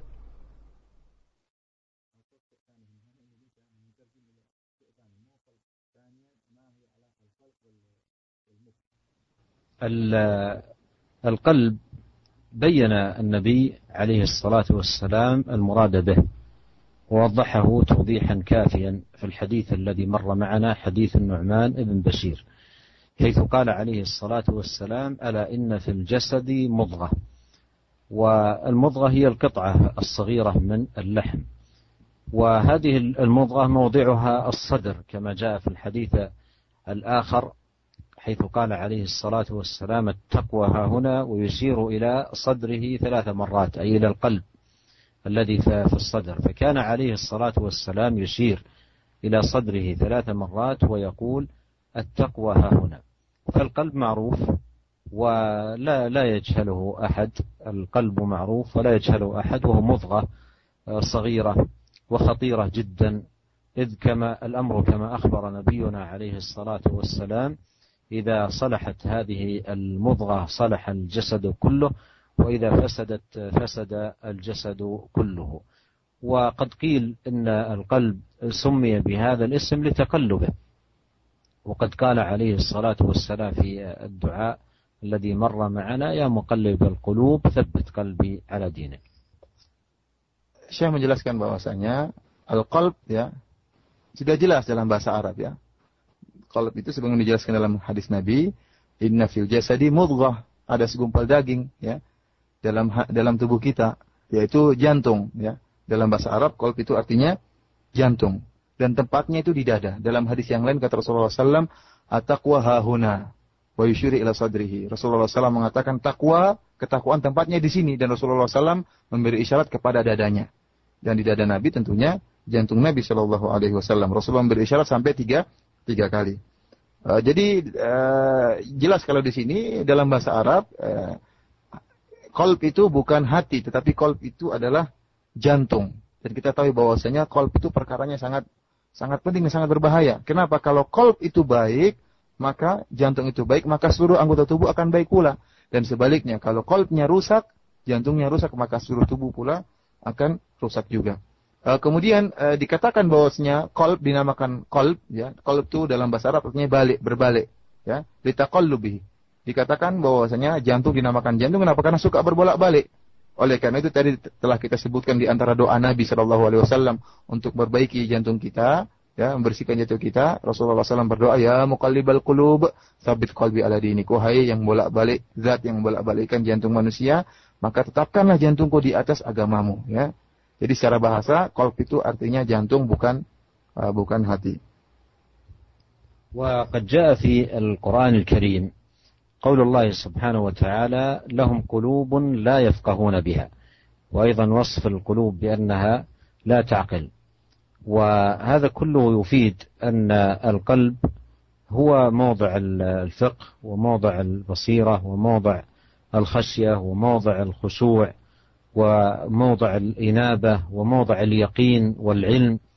والشواهد على ذلك والدلائل من كتاب الله وسنة نبيه salawatullahi wassalamu alaihi kathira.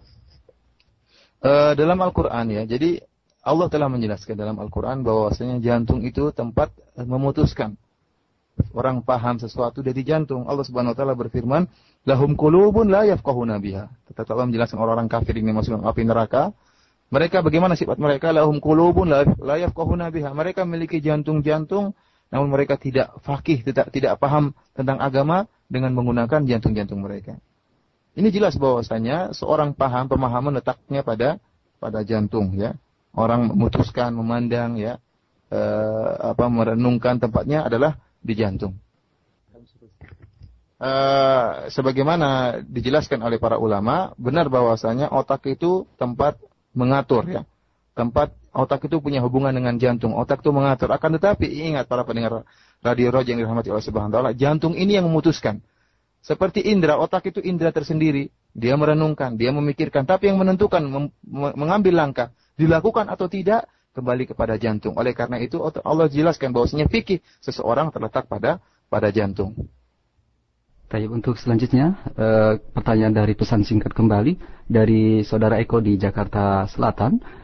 Uh, Syekh, bagaimanakah hukumnya jika seseorang memakan sesuatu yang telah jelas keharamannya dengan tujuan ia memakan uh, uh, sesuatu tersebut sebagai obat untuk kesembuhan dari penyakitnya? Mohon penjelasan dari hal ini.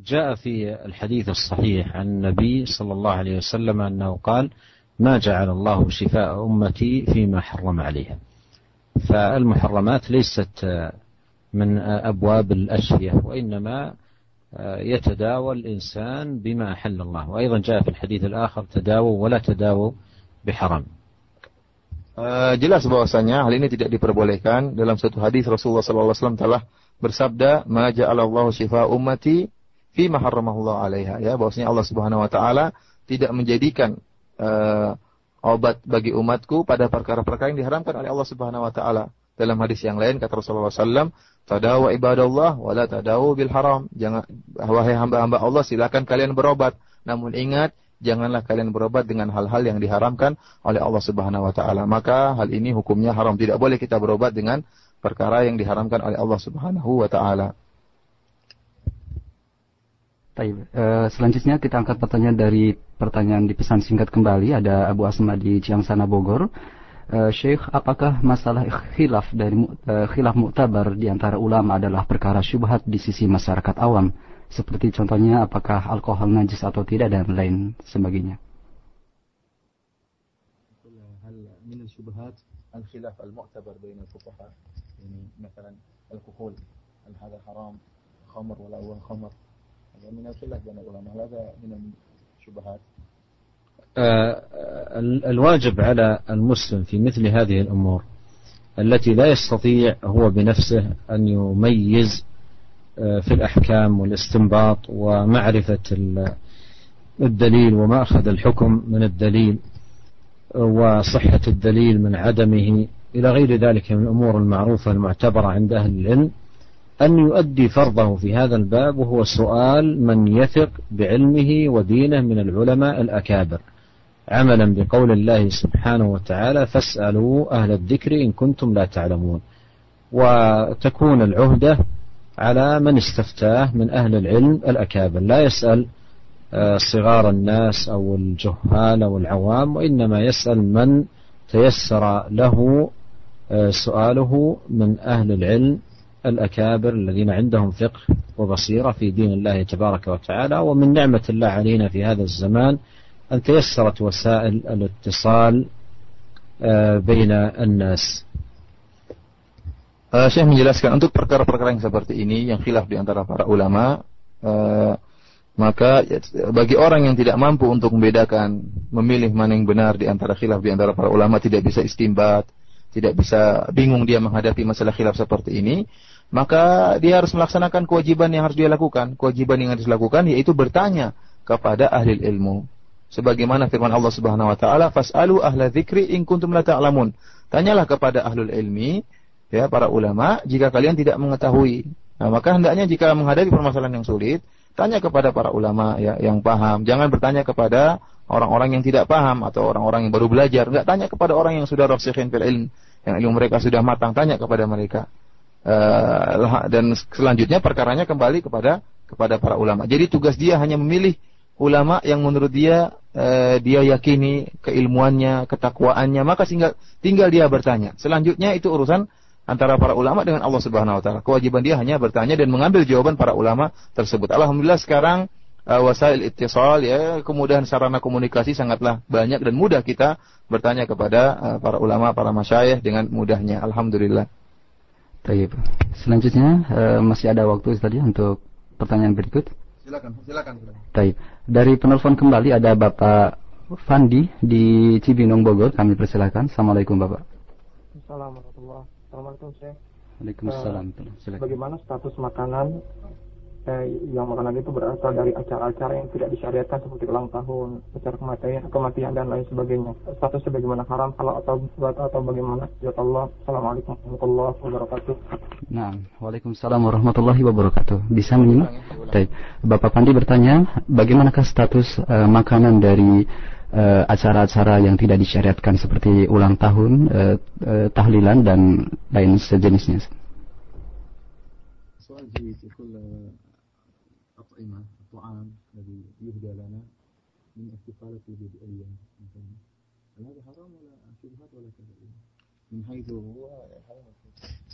الأطعمة التي تصنع بمناسبات الاحتفالات المحرمة سواء احتفالات النصارى بالأعياد الباطلة أو بعض المتشبهين بالنصارى من المسلمين في الأعياد المحرمة فمثل هذه الأطعمة لا يجوز للمسلم أن يتناول منها وإذا قدمت له هدية بهذه المناسبة يعتذر ويقول أن هذه المناسبات غير مشروعة وأنصحكم ألا تعودوا إلى مثل هذا العمل. أما إذا كان يستقبل منهم فهذا آه، فيه مفاسد ومن المفاسد أنه آه، يكون بمثابة المقر والمشجع لهم على الاستمرار في مثل هذه الاحتفالات المحدثة المبتدعة.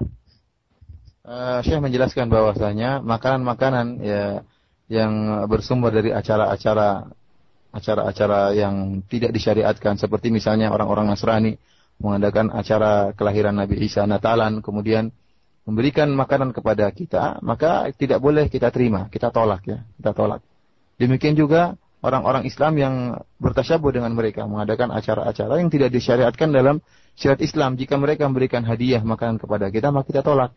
Kita bilang mohon maaf saya tidak bisa terima karena ini tidak tidak tidak benar acara yang tidak benar. E, karena kalau kita terima maka seakan-akan kita mendukung dan ikut berpartisipasi dalam acara tersebut. Dan orang akan mengatakan kok antum e, terima? Antum terima berarti menunjukkan antum setuju dengan acara tersebut. Dan ini merupakan mafsadah yang besar maka hendaknya kalau ada hadiah seperti itu kita tolak ya kita tolak Baik. Selanjutnya kami angkat dari penelpon kembali ada Bapak Abu Ihsan di Keranggan Bekasi. Assalamualaikum Bapak. Waalaikumsalam. Uh, saya mau tanya ini mengenai masalah makanan kaitannya. Uh, selama ini saya itu masih ragu mengenai masalah makanan kepiting itu. Uh, setahu saya ada yang membolehkan, ada yang melarang karena itu kan ini hilafiah. Nah, saya mohon uh, penjelasan mengenai kepastiannya gimana saya gitu. Terima kasih atas penjelasannya. Assalamualaikum. Assalamualaikum warahmatullahi wabarakatuh. Terima kasih Bapak Abu Hasan. الأخ يسأل عن حكم أكل سرطان البحر والجواب الله أعلم uh, Syekh mengatakan hukumnya Allah alam ya Allah alam Baik Berikut dari penelpon kembali kami angkat di 0218236543 untuk kesempatan yang berikut Assalamualaikum Assalamualaikum warahmatullahi wabarakatuh. Waalaikumsalam warahmatullahi Silakan dari mana Pak? Alhamdulillah dari Pak Muhammad. Di Keranggan. Silakan Pak Muhammad ke inti pertanyaannya Pak. Silakan. Uh, mohon maaf dulu kemarin uh, saya mau tanya tentang doa ini ya Pak. Doa itu kan merupakan kunci ibadah. Dan setiap ibadah itu bersumbernya harus ada contoh Rasul dan ikhlas. Nah kalau doa yang di selain ada contoh dari Rasul, misalnya dengan bahasa lain, bahasa Indonesia maupun bahasa lain, itu bagaimana itu doa itu Apa bisa dikategorikan tidak apa tidak sesuai dengan contoh Rasul atau bagaimana? Mohon kalau ada dalilnya itu kalau harus doa itu harus dengan contoh Rasul itu. Itu aja yang saya ya. tanyakan. Assalamualaikum warahmatullahi wabarakatuh. Nah, Waalaikumsalam warahmatullahi wabarakatuh. Silakan.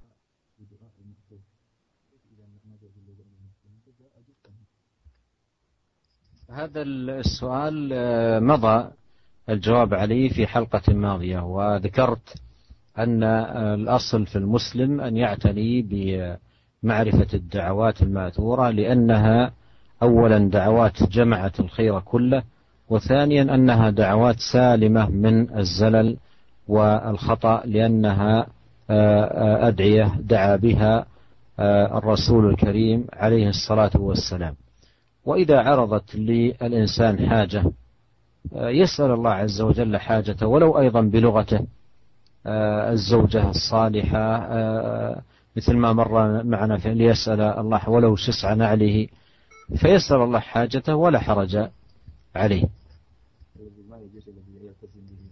نعم أما أما أن يوظف أدعية راتبة يواظب عليها أدبار الصلوات أو في الصباح والمساء أو يخصصها لأشياء معينة بلا دليل فهذا يدخل في باب الإحداث Uh, Syekh menjelaskan bahwasanya asalnya seorang muslim hendaknya berusaha berdoa dengan doa-doa yang diajarkan oleh Nabi sallallahu alaihi wasallam. Telah kita jelaskan pada pertemuan lalu, Nabi sallallahu alaihi wasallam utiya jawami al kalim.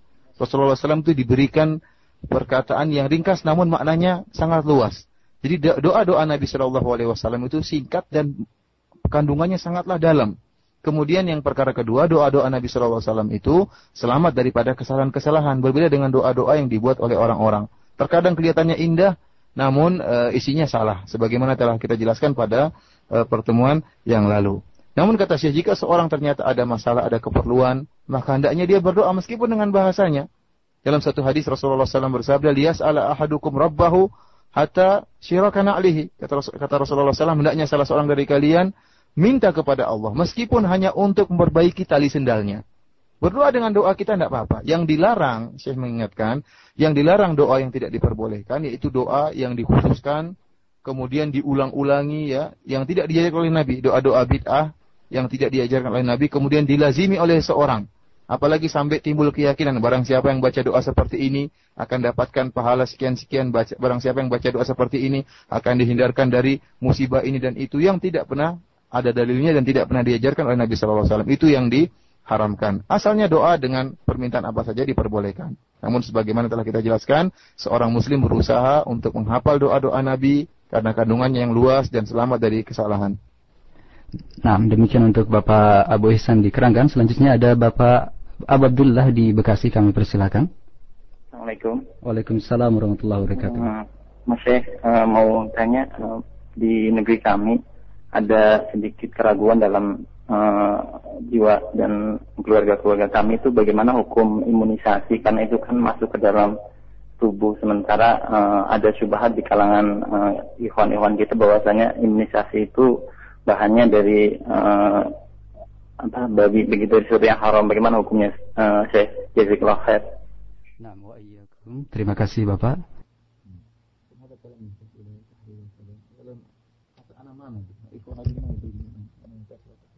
بالنسبة لاستعمال التطعيم ضد بعض الأمراض مما ثبت وتقرر نفعه وفائدته فلا حرج على الإنسان فيه. ويستدل بعض أهل العلم لهذا لهذه التطعيمات وهو ما يسمى بالطب الوقائي يستدلون عليه بقول النبي صلى الله عليه وسلم من اصطبح بسبع تمرات من العجوة لم يضره عين ولا سحر. فهذه الاستعمال للوقاية من من بعض الأمراض في بعض الأدوية التي عرف بالتجربة أنها نافعة ومفيدة هذا لا حرج فيه فمن حيث الأصل لا حرج في ذلك. وإذا ثبت يقينا أن فيها شيء من المحرمات كالخنزير أو فيرجع إلى الأصل المتقدم وهو أن الله ما جعل شفاء الأمة فيما حرم عليه. Uh, Syekh menjelaskan bahwasanya berobat uh, menggunakan obat untuk penjagaan, untuk wikoya itu hukumnya boleh ya. Bahkan uh, sunnah sebagaimana para ulama menjelaskan hal ini dan mereka berdalil dengan hadis Nabi sallallahu alaihi wasallam, "Man tasabbaha bi sab'ati tamaratin ajwa la yadurruhu al-yawm summun wala sihrun." Bahwasanya Rasulullah SAW pernah bersabda, barang siapa yang di pagi hari makan tujuh butir korma ajwa, korma Nabi, maka dia tidak akan terkena sihir dan tidak akan terkena racun. Ini menunjukkan wikoyah, penjagaan. Sebelum datang penyakit, boleh kita minum obat untuk menjaga supaya penyakit tersebut tidak tidak datang. Oleh karena itu, seorang yang kemudian mengambil imunisasi yang telah terbukti bermanfaat, ya, e, dalam rangka untuk mencegah penyakit-penyakit tertentu, maka hukum asalnya boleh. Karena ini adalah penjagaan dari penyakit dan ini hukum asalnya boleh. Ya. Akan tetapi kata Syekh, kalau memang telah diteliti dan benar, sebagian imunisasi memang terbuat dari babi, ya, daging babi atau minyak babi dan lainnya, maka tidak boleh kita kembali kepada hadis yang telah kita jelaskan tadi, bahwasanya Allah Subhanahu wa taala tidak menjadikan obat pada sesuatu yang diharamkan oleh Allah Subhanahu wa taala.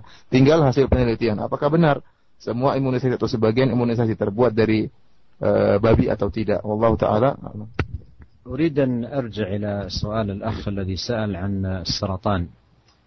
لا أشير إلى الآية الكريمة في القرآن الكريم ويقول الله سبحانه وتعالى أحل لكم صيد البحر وطعامه متاعا لكم وللسيارة.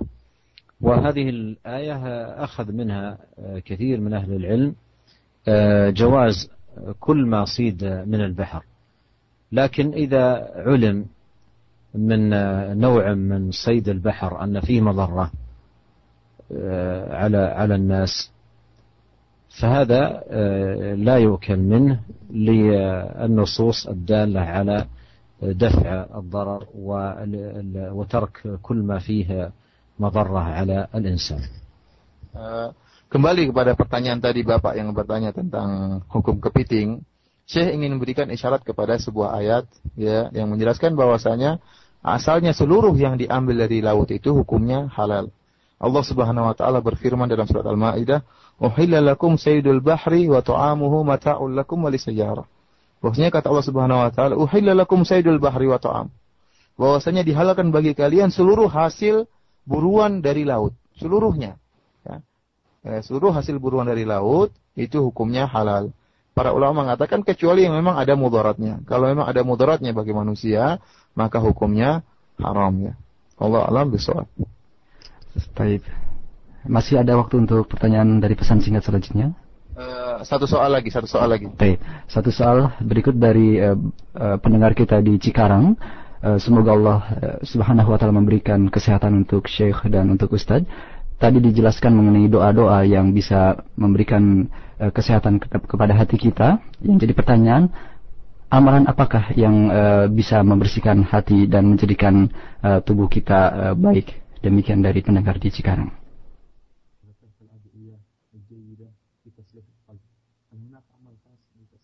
هذا السؤال سؤال جيد فهذه الأدعية مهمة جدا في إصلاح القلب والعناية بها لأن القلب بيد الله عز وجل. فينبغي على العبد أن يلح على الله تبارك وتعالى أن يصلح قلبه. ثم لا يكتفي بالدعاء بل يباشر الأسباب. بل يباشر الأسباب النافعة المفيدة لصلاح القلوب. وأهل العلم ذكروا أمورا كثيرة تعين العبد بإذن الله تبارك وتعالى على صلاح قلبه. ومن ذلكم العناية بكتاب الله عز وجل القرآن. فهو أعظم ما تصلح به القلوب. وقد قال الله عز وجل الذين آمنوا وتطمئن قلوبهم بذكر الله ألا بذكر الله تطمئن القلوب. فيعتني بالقرآن ويعتني بالأذكار المشروعة ويعتني بالصلاة وأنواع العبادات ويعتني بمخالطة الأخيار والصالحين من عباد الله ويعتني بالبعد عن مجالسة الأشرار ويعتني أيضا بالبعد عن المنافذ كما سبق بيان ذلك التي تسبب لدخول الشر على القلب واهم المنافذ البصر والسمع فلا يستمع للحرام ولا ينظر للحرام لأن هذه منافذ تجعل الأمور التي تفسد القلب تدخل وتضر به أشد الضرر Uh, tadi telah kita sebutkan doa-doa yang uh, dibaca oleh Nabi Shallallahu Alaihi Wasallam dalam rangka untuk memperbaiki hati kita atau jantung kita ya. Saya mengatakan hendaknya kita benar-benar perhatian dengan doa ini ya. Kenapa?